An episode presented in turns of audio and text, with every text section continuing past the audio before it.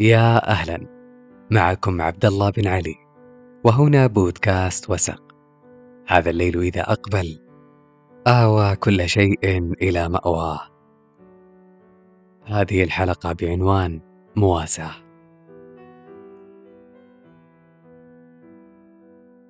هي مواساة لي ولكم أيضا ولكل عابر مر من هنا. الحياة تعلمنا الكثير. رغم أننا في أوج حماسنا وقوتنا ومقبلين عليها بكل إقدام إلا أن الدروس والمواقف والعبر تتوالى علينا في كل مرة نتقدم بها سواء أحرزنا تقدما أم أخفقنا لنعاود الكرة من جديد. لا تيأس هي نصيحة أسديت إلي بعد عدد من المحاولات حين أخطأت وتعلمت من هذا الخطأ وأدركت أن هذا أسلوب حياة أعتقد أن كل هذا الركض مرهق ومهلك لكننا ممتنين للمشقة التي تشعرنا بلذة النجاح وقشعريرة التعب التي تنتابنا بعد تحقيق الإنجازات وأن السعي في كل حالاته لا يضيع هباء وما خاب من سعى.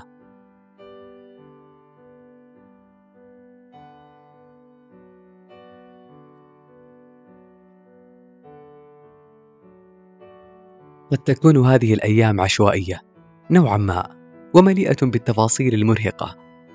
لكن التغيير يحدث من هنا من هذه العشوائية.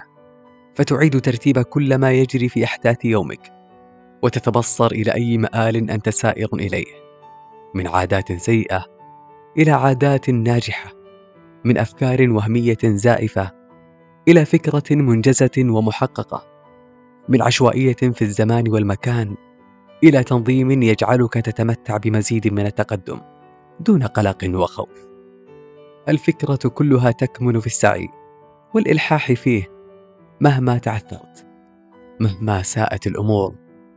لا تيأس.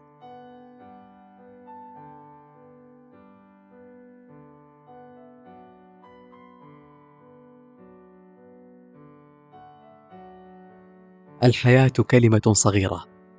لكنها تحتمل جميع المعاني.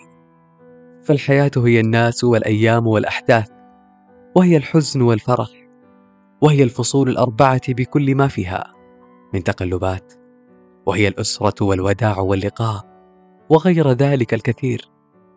فالحياة خليط من كل شيء وقد تختلف تبعاتها بين شخص وآخر.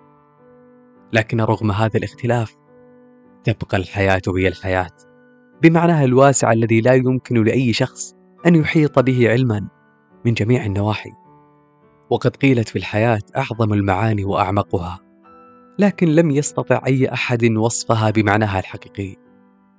الحياة بحر واسع متلاطم الأمواج في حين وهادئ في حين آخر وهي مليئة بالأحداث الكثيرة والمتناقضة.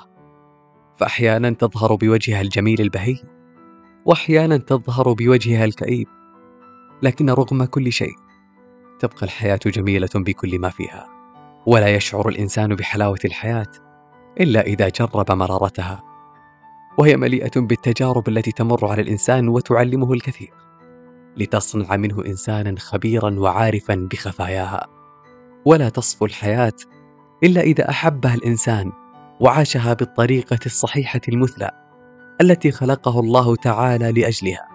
لذلك على الإنسان أن يفهم معنى الحياة اولا ثم أن يعيشها بحذافيرها دون أن يكترث بأحزانها وتقلباتها لأنها جزء ثابت منها بل عليه أن يتأقلم مع جميع أحداثها.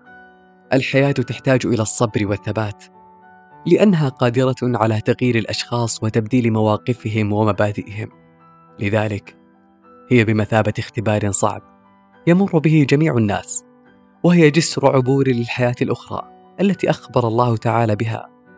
لذلك يجب على كل شخص أن يكون محسنا في حياته وقائما بجميع الواجبات اللازمة عليه وأن يكون فيها مثل عابر السبيل لا يفعل إلا الخير ولا ينتظر منها الكثير والا يقضي أيامه فيها بطول الأمل وإنما بالعمل لأن الحياة تحتاج إلى الجد والاجتهاد وليس للأقوال فقط لأن الحياة قصيرة لا تحتمل التأجيل أبدا.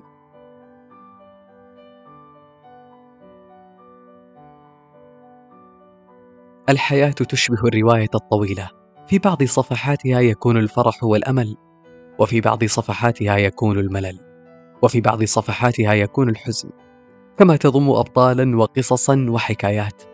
لذلك يجب على كل شخص أن يحسن قراءة حياته كي يعيش سعيدا وأن يحسن استغلالها بالصورة الأمثل كي تظل حياته مشرقة.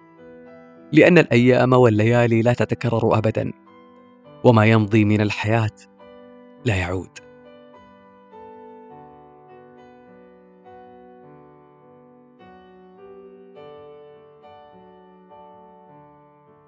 أعتقد أن في هذا الوقت أصبح بحثنا عن السعادة في الحياة أمرا مهما. ثم تلاشت محاولات البحث حينما أرهقتنا الحياة. يحكى أن رجلا عجوزا كان يعيش في قرية بعيدة وكان أتعس شخص على وجه الأرض حتى أن كل سكان القرية سئموا منه لأنه كان محبطا على الدوام ولا يتوقف عن التذمر والشكوى ولم يكن يمر يوم دون أن تراه في مزاج سيء. وكلما تقدم به السن ازداد كلامه سوءا وسلبيه كان سكان القرية يتجنبونه قدر الإمكان فسوء حظه أصبح معديا. ويستحيل أن يحافظ أي شخص على سعادته بالقرب منه. لقد كان ينشر مشاعر الحزن والتعاسة لكل من حوله. لكن وفي أحد الأيام وحينما بلغ العجوز من العمر ثمانين عاما حدث شيء غريب. وبدأت إشاعة عجيبة في الانتشار. الرجل العجوز سعيد اليوم. إنه لا يتذمر من شيء. والابتسامة ترتسم على محياه. بل أن ملامح وجهه قد أشرقت وتغيرت. تجمع القرويين عند منزل العجوز. وبادره أحدهم بالسؤال ما الذي حدث لك؟ وهنا أجاب العجوز. لا شيء مهما. لقد قضيت من عمري ثمانين عاما أطارد السعادة بلا طائل. ثم قررت بعدها أن أعيش من دونها وأن أستمتع بحياتي وحسب. لهذا السبب أنا سعيد الآن.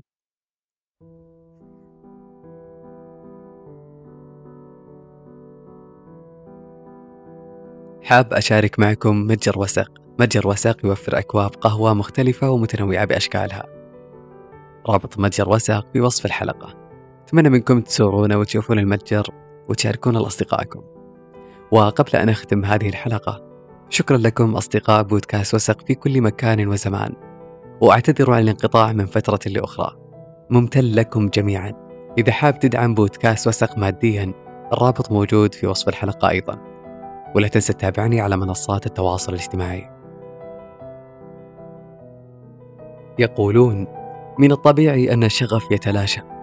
وأن التوازن لديك يختل لمدة من الزمن. الآلات تتعطل والجدار يتصدع فما بالك بالبشر الذين يتعرضون لظروف خارجة عن الإرادة؟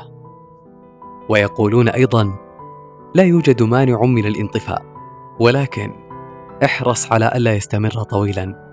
خذ استراحة مؤقتة ثم عاود الطريق.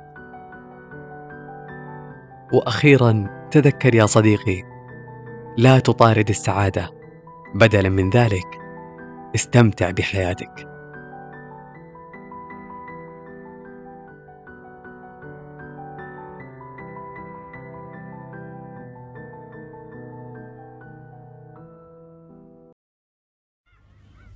القهوة لذيذة. هذا هو طعم القهوة الحقيقي. هل أنت من صنع هذه القهوة يا جيم؟ شكرا لك أيضا. شكرا لك يا جيم. هناك شيء أحب أن أسألك إياه. قل لي يا سيلفر ما هو أهم شيء عندك في الحياة؟ في الوقت الحاضر هذا الكوب من القهوة. لا تسخر مني سيلفر! أنا جاد بما أقوله. بالنسبة لي هذه اللحظة هي أهم شيء. هذا الكوب من القهوة الذي صنعته لي يا جيم. ولكن ولكن هذا لا يعني أن يتغير كل شيء غدا. وفي كلام آخر أهم شيء عندي هو شيء أنا لا أعرفه بعد. لهذا السبب تراني أفتش عنه كل يوم دون أن أتعب. هل تظن أني أمضيت عشر سنين أبحث عن الكنز فقط للذة البحث؟ لا يا صديقي جيم لا. كنت أعتقد بمجرد أن أجد هذا الكنز ستتغير حياتي وأجد ما كنت أعتقد أنه أهم شيء فيها. ولكن ولكن فشلت وخسرت كل شيء. حتى ولو امتلكت الكنز فسوف يبقى هذا الكنز كنزا ولا شيء آخر لن يكون شيئا صنعته يداي. ألا تعتقد ألا تعتقد أني على صواب يا جيم؟ ربما يأتي يوم أجد فيه ما ضيعت كل عمري في البحث عنه يا جيم.